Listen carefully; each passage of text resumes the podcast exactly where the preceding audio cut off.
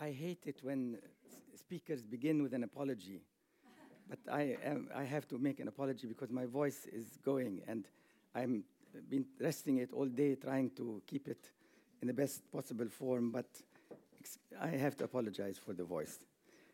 I hope it's not too irritating.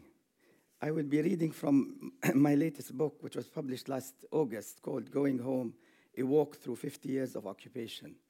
And it's a, a one day's walk on the 5th, 5th of June 1960, the anniversary of, on the 5th of June 2017, which is the 50th anniversary of the Israeli occupation.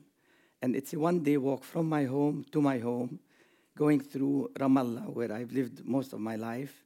And uh, in the course of that book, I go through houses I've lived in, places, sites where different resistance activities against the occupation took place. I describe the transformation of this, my city, Ramallah, and how it's been affected by the occupation, and also my personal feelings about Ramallah and about aging and having to arrive home and what home means to me. So I will read from the last, uh, uh, the last chapter. It's ch- chapter 12 from the book.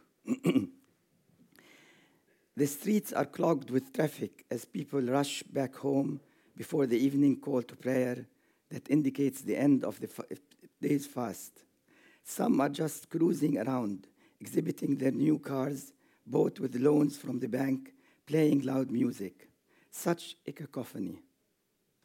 There is too much light to be able to see the stars.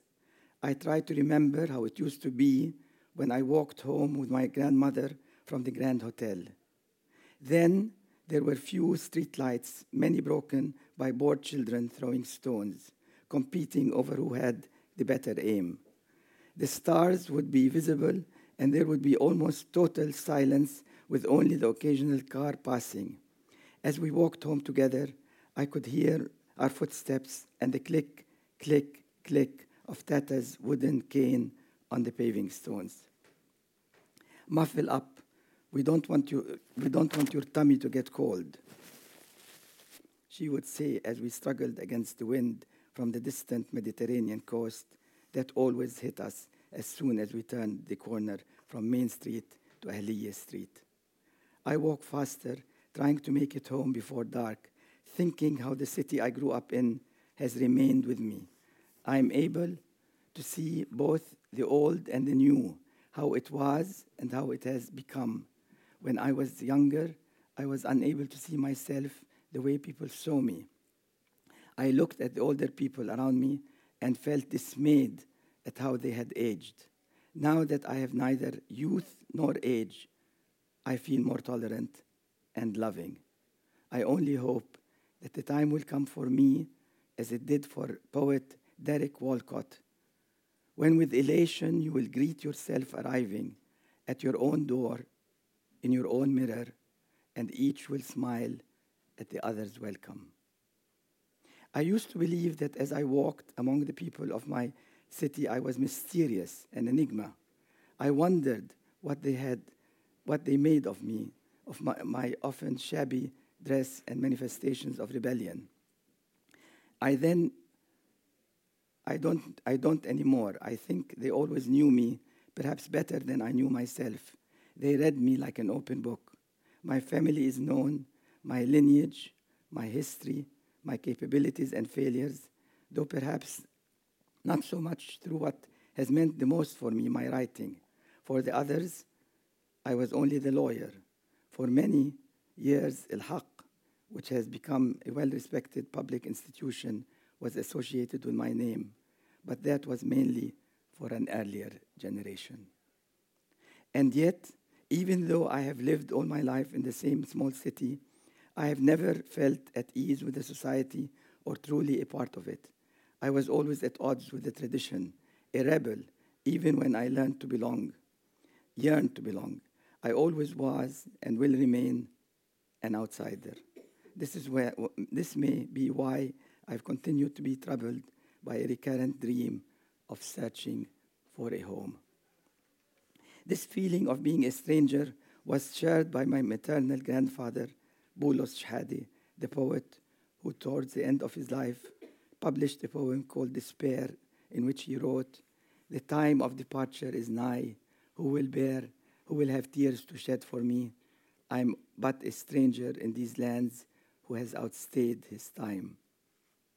As I approach my house, the shadow following me lengthens as the sun begins to set on my city.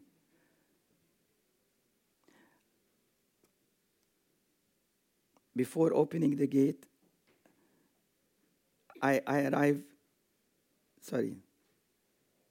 Before opening the gate of my house, I look at my house with the soft, rosy light of the setting sun striking the limestone walls. The feathery leaves of the jacaranda in the garden hug the walls and shed their shadows over the entrance I am now approaching. Our house is rather grand, I think, and turned inward. I have never looked at it this way before. Now I can see how like me it is. This is how I survived in my society, with its inflexibility and constant failures and retreats, by being like the house, walled, stubborn, centered, inward looking, impregnable, with a mind of my own and my own peculiar ways. I wanted to escape my predicament, find consolation in abstraction, and turn suffering into art. Near the curb, a short distance from the entrance, I noticed the caper plant that I had looked at on my way out this morning. I see that its pods have opened. This bushy plant is growing out of the bare rock, yet it flourishes even without water. Its round, alternate leaves, thick, hardy, and shiny, are mauve in color, and among them the most beautiful flowers are blooming, composed of delicate pink white petals and long violet stamens with a single stigma rising above the stamens, all surrounded by four sepals waving gently in the slight breeze. Such a refreshing sight in these Darai hills. No gardener has cultivated this bush, and perhaps except for the spikes with which the plant protected, protected itself, it might have been pulled up and destroyed. Needing little organic matter to grow and able to withstand high temperatures, this delicate but hardy shrub has established itself in these hills. It's capable of surviving in tough conditions, producing luscious fruit in many different places around the world. I would like to think of myself in these terms. I'm about to open the gate and enter the courtyard that leads to our main door when I briefly glance back at the hills that can be seen beyond the empty plot between the buildings across the street. They look almost pink as the limestone reflects the setting sun. I want to linger and hold on to this day, another good day in the short time that is left to me. The dark purple of the bougainvillea is clashing with the setting sun. The plumbago is in full bloom. Neither in the first family house nor at Helen's did I have a garden that did so well. It's only in this house that I managed to create such a satisfying one. I linger a bit longer outside the gate until the sun has gone and the moon is visible. I can see the solanum with its blue flowers closing for the night. From the house, I can hear a Handel opera that Penny, my wife, is listening to. I decide to wait for the aria to finish before proceeding. I may have missed out on many pleasures because of my physical vulnerability, but I have other satisfactions. A fragment of Wordsworth's Tintern Abbey comes to me. Wild ecstasies shall be matured into a sober pleasure when thy mind shall be a mansion for all lovely forms, the memory be as a dwelling place for all sweet sounds and harmonies. The gate clicks shut behind me. I recall doing the same before the 2002 Israeli invasion of Ramallah. Then I was coming back home with supplies from the market. Once inside my house, I fantasized that I would be safe, that it could not happen to me. I had been going on with my life, trying to remain out of sight, keeping to myself, staring as little nip- ripples as possible, convinced that the soldiers wouldn't enter my house. faced with external danger, isn't this what most people tell themselves? Not me. It's the others. Don't see me. Don't come to me. Leave me alone. I'm innocent. I'm not like the others. The alluring illusion of invisibility. The next day they came through this very gate that I'm now entering. Six of them, six fully armed Israeli soldiers without any sort of warrant. I was not immune. Of course not. The invasion was a real awakening. And they may well come again, and this time not only to enter and search, but to do more. They could destroy the house. For the last 50 years, they have been destroying thousands of Palestinian homes. By hoping against hope that I would be spared, I was choosing to forget that the policy is indiscriminate. I, a Palestinian, am always subject at any time to the whims of any Israeli soldier. For 50 years, I've been possessed by that feeling of insecurity whenever I come back to my house. Will this precariousness ever come to an end? Nothing lasts forever, not this occupation or these turbid murmurings of my heart. The day will surely come when I will be free of apprehension. Yet for now, I needn't dwell in fear, for at long last, I have found what I was searching for my home, and no one can take it away from me. Penny is still in her study. She has turned on the side lamp with the blue painted shade, and it lights up the colorful, life affirming painting by Sami Halabi that we had carefully chosen when we first came to live in this house. I can smell the dish she is preparing for dinner. The table with the ceramic top in the courtyard is already set. I'll do my part for the meal, and we'll sit outside under the lemon tree and eat. I go to wash my hands before dinner and take a look at my face in the mirror. I find that I'm able to smile back at the image I see. I leave the bathroom and go out into the courtyard. On the stone wall are the mottled shadows of the branches of the lemon tree we planted in the middle that is now matured into full height and is laden with yellow fruits. I look around me at our intimate surroundings and now call out to Penny, I'm home. Thank you. The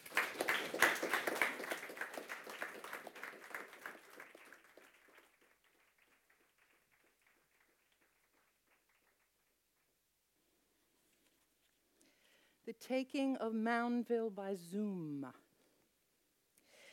If you were very, very small, smaller than a leprechaun, smaller than a gnome or a fairy, and you lived in a vagina, every time a penis came in, there would be a natural disaster. Your dishes would fall out of the cupboards and break, and the furniture slide all the way to the other side of the room. It would take a long time to clean up afterwards. I chose to read this next piece because it's been translated into Norwegian. I thought that was a good reason, and then I realized it was also an excellent reason not to read it. And then I realized that that was perfect proof that all our reasons for doing anything are absolutely meaningless. Snow. Every time it starts to snow, I would like to have sex. No matter if it is snowing lightly and unseriously or snowing very seriously well on into the night, I would like to stop whatever manifestation of life I am engaged in and have sex with the same person who also sees the snow and heeds it, who might have to leave an office or meeting or some arduous physical task, or conceivably leave off having sex with another person and go in the snow to me, who is already in the snow, beginning to have sex in my snow mind. Someone for whom, like me, this is an ultimatum, the snow sign, an ultimatum of joy, though as an ultimatum beyond joy as well as sorrow.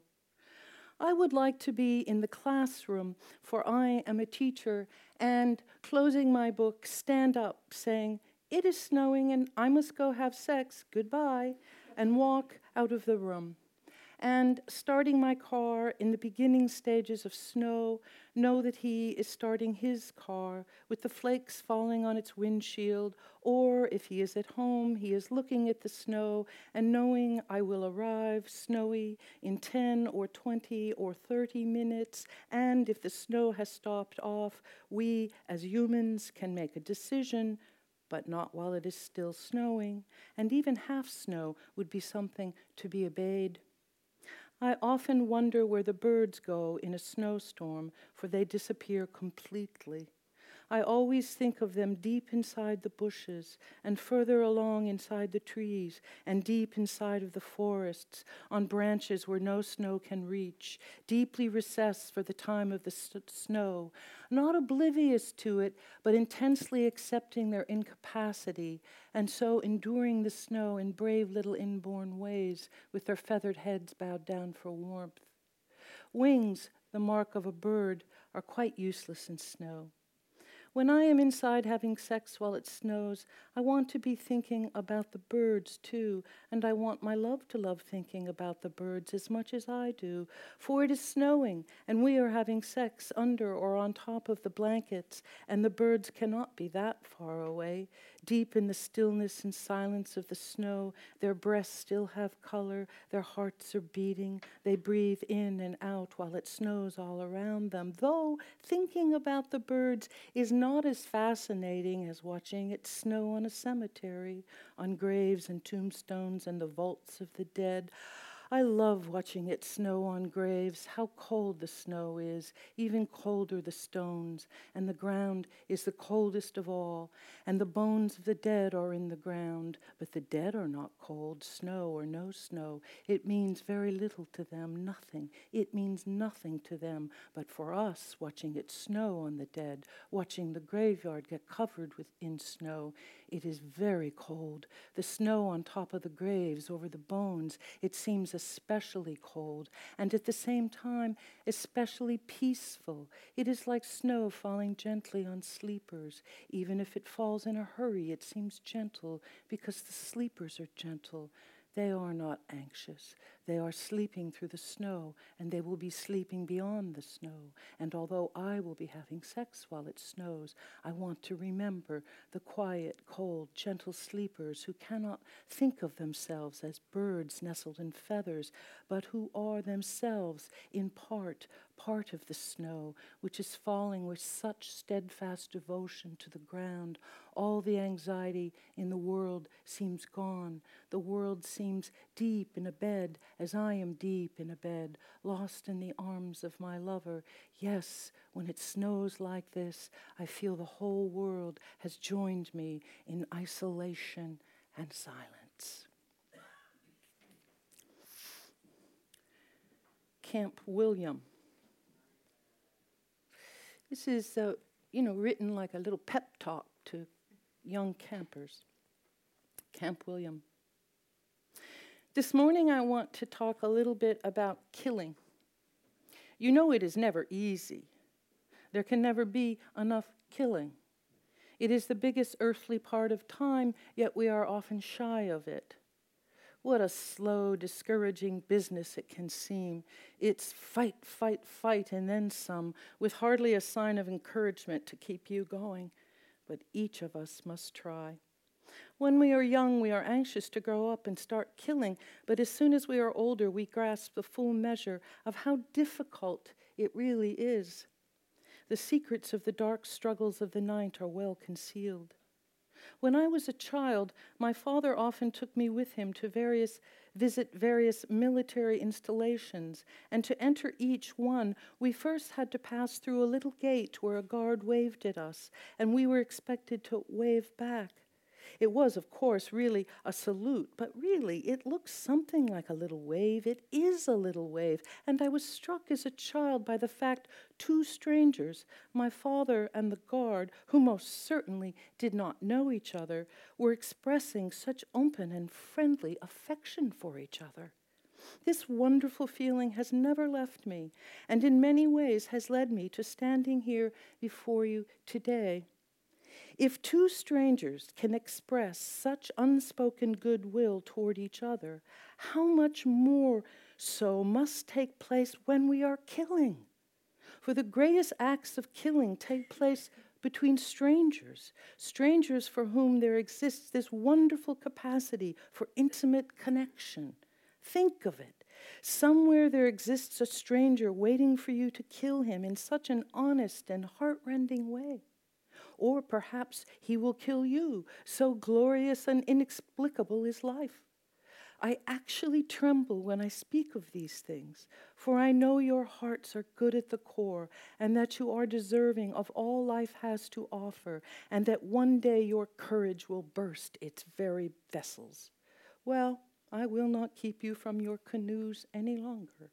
But today, when you are out rowing upon the waters, I hope each of you will take a moment to consider the strength you possess in your own two arms.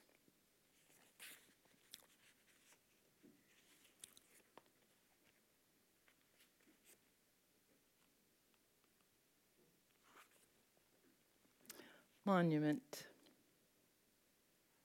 A small war, war had ended. Like all wars, it was terrible. Things which had stood in existence were now vanished. I had come back because I had survived, and survivors come back. There is nothing else left for them to do. I had been on long travels connected to the war, and I had been to the centerpiece of the war, that acre of conflagration. And now I was sitting on a park bench watching ducks land and take off from a pond. They too had survived, though I had no way of knowing if they were the same ducks from before the war or if they were the offspring of ducks who had died in the war. It was a warm day in the capital, and people were walking without coats, dazed by the warmth, which was not the heat of war which had engulfed them, but the warmth of expansion, in which would grow the idea of a memorial to the war which had ended, and of which I was a veteran architect. I knew I would be called upon for my ideas in regards to this memorial, and I had entered the park aimlessly, trying to escape my ideas, as I had been to the centerpiece, that acre of conflagration, and from there the only skill that returned was escapement. Any others died with those who possessed them. I was dining with friends that evening, for the restaurants and theaters and shops had reopened. The capital was like a great tablecloth being shaken in midair so that life could be smoothed and reset and go on. And I had in my mind a longing to eat and to afterwards order my favorite dessert, Cherries Jubilee, which would be made to flame and set in the center of the table. And I had in my mind the idea of submitting to the committee a drawing of an enormous plate of cherries perpetually burning to be set in the center of the park as a memorial to the war, that acre of conflagration. And perhaps also in my mind was the hope that such a ridiculous idea would, of course, be ignored, and as a result, I would be left in peace, the one thing I desired, even beyond cherries and I could see the committee, after abandoning my idea, remaining in their seats, fighting over the designs of others, far into the after hours of the workday, their struggles never seeming to end. And then I wanted to submit an idea of themselves as a memorial for the war, the conference table on an island in the middle of the pond, though at least some of them would have to be willing to be cast in agony. And then I saw on the ground an unnamed insect in its solitary existence, making its laborious way through tough blades of grass that threatened its root. And using a stick that lay nearby, I drew a circle around the animal, if you can call him that. And at once, what had been but a moment of middling drama became a theater of conflict for as the insect continued to fumble lopsided in circles, it seemed to me that his efforts had increased, not only by my interest in them, but by the addition of a parameter which he now seemed intent on escaping. I looked up then, and what happened next I cannot describe without a considerable loss of words. I saw a drinking fountain It had not suddenly appeared. It must have always been there. It must have been there as I walked past it and sat down on the bench. It must have been there yesterday and during the war and in the afternoons before the war. It was a plain gunmetal drinking fountain of the old sort, a basin on a pedestal, and it stood there, an ordinary object that had become an unspeakable gift, a wonder of civilization, and I had an overwhelming desire to see if it worked. I stood up then and approached it tim- timidly as, as I would a woman. I bent low and put my hand on its handle, and my mouth hovered over its spigot. I, I wanted to kiss it. I was going to kiss it. And I remembered with a horrible shock that in rising from the bench, I had stepped on and killed the insect. I could hear again its death under my left foot, though that this did not deter me from finishing my kiss. And as the water came forth with a low bubbling at first, and finally an arch that reached my mouth, I began to devise a secret route out of the park that would keep me occupied for some time then I looked up, holding the miraculous water in my mouth, and saw the ducks in mid flight, their wings shedding water drops which returned to the pond, and remembered in amazement that I could swallow, and I did. And then a bit of arcane knowledge returned to me from an idle moment of reading spent years ago, before the war, that a speculum is not only an instrument regarded by most with horror, as well as an ancient mirror and a medieval compendium of all knowledge, but a patch of color on the lower wing segment of most ducks and some other birds.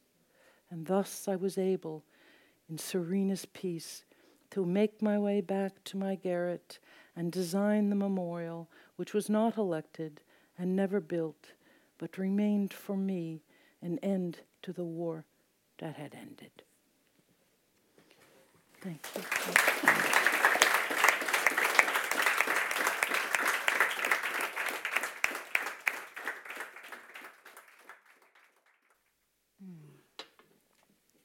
Hi, everyone. Um, I forgot my book, so I'm going to try and remember some poems.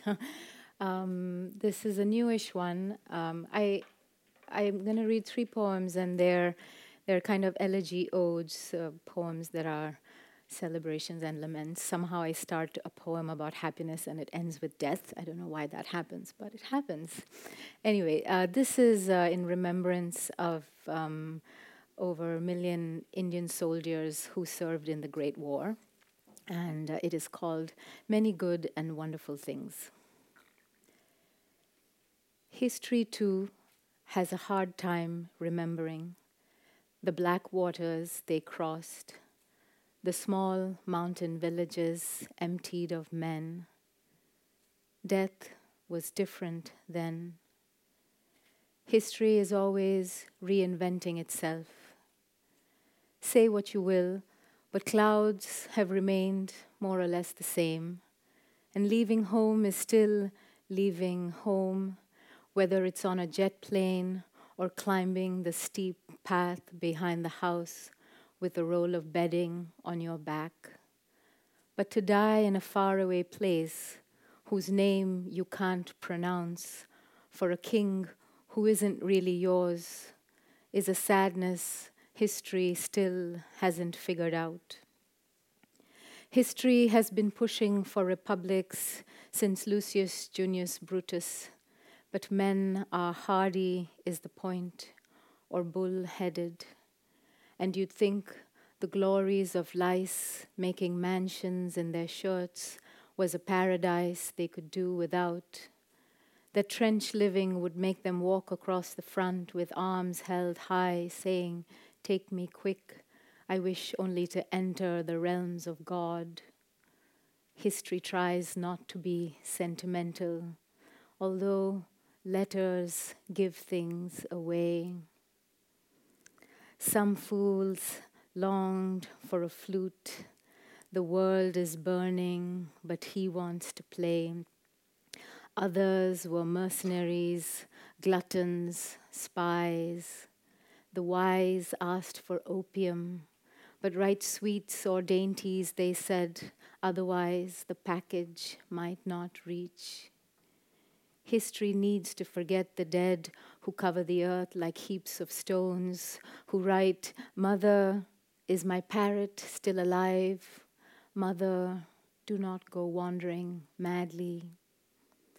Sometimes it feels as though the rain has been falling all your life, and the girl you married will tire of tending the cattle. Do not worry, this is war, where the women, like metaphors, remain steadfast and beautiful. In history's version, she sits under the peepal tree, your Victoria Cross pinned to her sari. She has been waiting since 1918 and she is waiting still.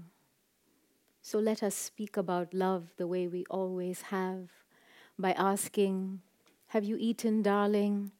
And what price did you get for the goats? And of course, I miss you, but the earth is hard and the sky distant, and if I had wings, I'd fly to you. In Marseille, they said we looked like kings. History cannot say what really happens to men at war. So listen. At night, I feed on stars. Do not ask about the cold. They have given me whale oil for my feet, and someone told me if I carried a piece of raw onion in my pocket, the bullets would not find me. Um, this next poem is inspired by a poet I like very much, Elizabeth Bishop, and it is called The Art of Losing.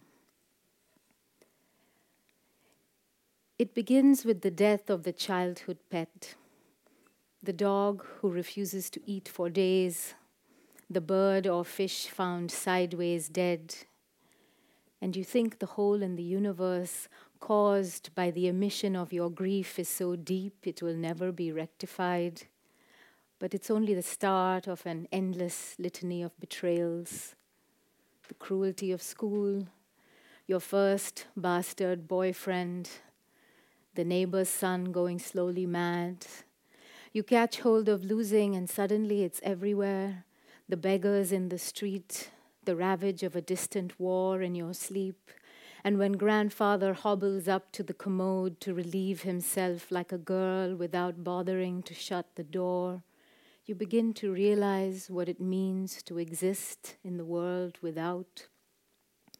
People around you grow old and die, and it's explained as a kind of going away to God or rot or to return as an ant, depending on the spiritual way you were raised.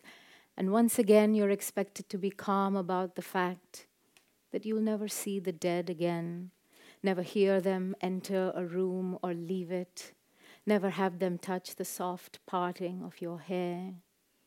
Let it be, your parents advise. It's nothing. Wait till your favorite aunt keels over in a shopping mall, or the only boy you loved drives off a cliff to survive but never to walk again. That'll really do you in make you want to slit your wrists in a metaphorical way, of course, because you're strong and know that life is about surviving these things. And almost all of it would be bearable if it would just end at this. But one day your parents will sneak into the garden to stand under the stars and fade like the lawn into a mossy kind of gray. And you must let them not just that, you must let them pass into that wilderness and understand that soon you'll be called aside to put away your paper wings, to fall into that same oblivion with nothing, as if it were nothing. Um, I'm going to do a poem to lighten the mood a little bit before I do my last poem. Uh, this is a poem for Patrick Swayze. I don't know how many of you have seen Dirty Dancing, but it was a seminal movie for me growing up in Madras in South India. It's like the, the way out into a different world. Um, although, as those of you who don't have your PhDs in Patrick Swayze may not know, that he died of pancreatic cancer. So there makes a slight little flutter of death in the poem as well. But anyway, mostly it's about his wonderful bottom. Okay, Ode to Patrick Swayze.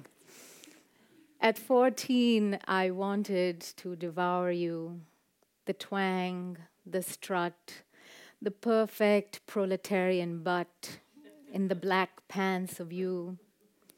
I wanted a man like you to sashay into town and teach me how to be an aeroplane in water.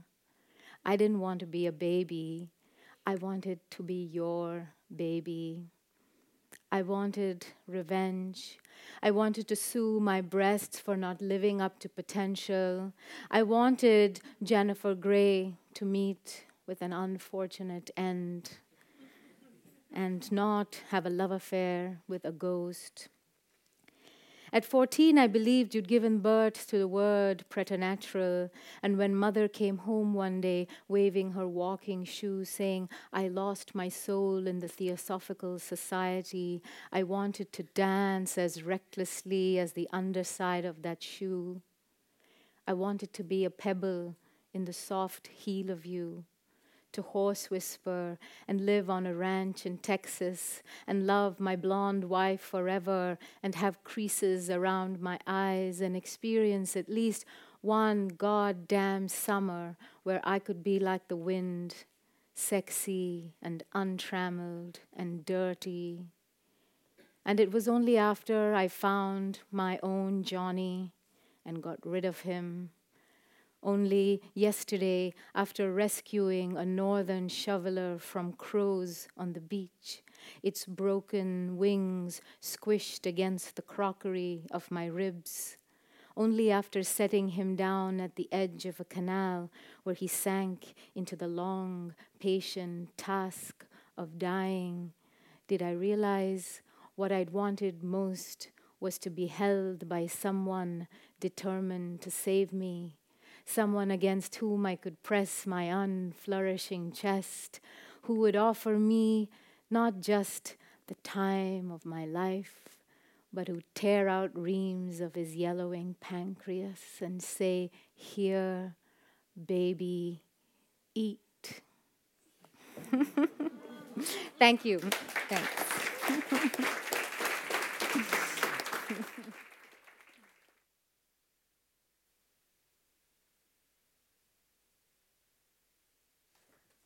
Uh, the, the, subject of this book is a man called Fusi Mofokeng, who, in the dying days of apartheid in South Africa, was locked in jail by the old security police, accused of a, being involved in a murder, and was convicted of that murder, and spent the next 19 years in prison, and so didn't see the first decade or so of democracy.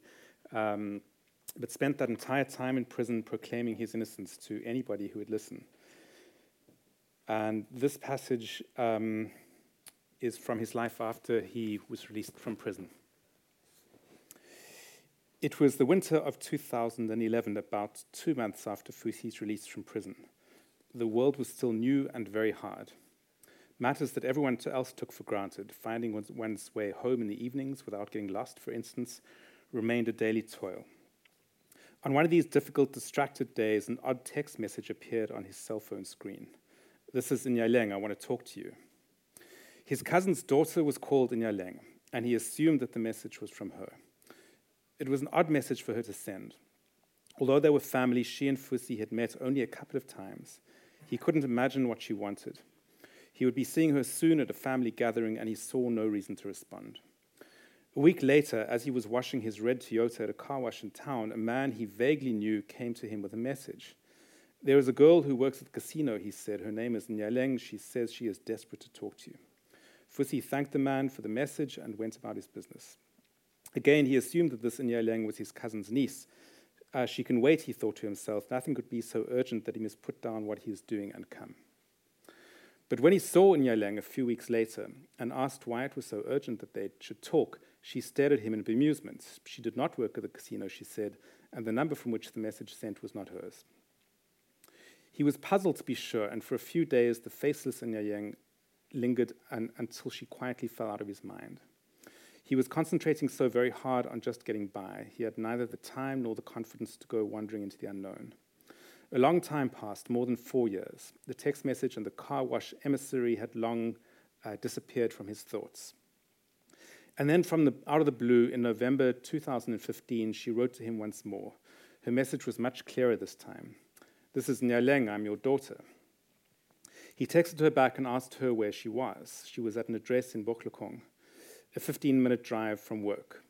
It was a little afternoon, his lunch hour was at 1 p.m. He put down his tools, got on his motorbike, and rode. It always seems so mysterious in retrospect how a piece of information, and not just any information, but the knowledge that one is a father, can lie there for years in the vast filing system of one's mind. It's neither remembered nor forgotten, it occupies a nameless room in between. On the journey from work to Bohlokong, he pieced it all together. By the time he turned into Nyaleng's road, he knew exactly who she was. In 1986, Fusi met a girl called Tabita. They slept together on and off before finally breaking up for good in 1989. When he went to prison three years later, she wrote to him to say that she had given birth to a daughter in the months they, after they parted. She had a new boyfriend by then, and for the sake of their relationship, she told him that he was the father. But the girl was Fusi, she said in the letter, and when the little one was old enough, she should know uh, the the true story of her paternity. Tabita died in 1999, still a young woman, barely 30. And after she was buried, her, her younger sister took up her pen. She wrote to Fusi three, perhaps four times, to tell him that Nyaleng was growing, that she was nearly in her teens now, that his daughter was about in the world. He had taken in the news like a stone in his porridge. He had removed it from his mouth and put it carefully to one side. What could he do with the knowledge that he was a father? He had no roof under which he could, might house her, no money, no means to care for a child. He was fighting for his freedom, and it consumed every piece of him. Of the people outside, there was his mother and Victoria. He had no space for others. There was surplus to requirements. Nyaleng was waiting outside her house. She, had not, she was not expecting him to arrive on a motorbike, and she barely turned her head when he approached. His crash helmet concealing his face, he stopped close to her, a mere 50 paces or so away. He could watch her unnoticed for as long as he liked. She turned from him, and as she showed him her profile, he gasped. He could almost say that he was looking at his mother, not the sickly woman who had come to visit him in Kroonstad, nor the one corpse he had seen in the morgue. It was the woman who had appeared at Easter at Oorsprong, still young, still unfamiliar, and a little strange, a gift from the city in her hands. He took off his helmet and walked towards her. The moment she saw him, he stopped in his tracks. She came to him briskly and without inhibition, wrapped him in an embrace, and squeezed him, her head buried in his chest. He is not a demonstrative man. His intimacy is cautious and hard won. As he held her, he felt acutely the oddness of this moment, for the girl in his arms was a stranger. But as their embrace lingered, another feeling took root, deeper than familiarity, too mysterious easily to name. It was a longing, a pining, a reaching for something unnamed, and he understood that it had always been inside him, although he was meeting it now for the first time. Thank you.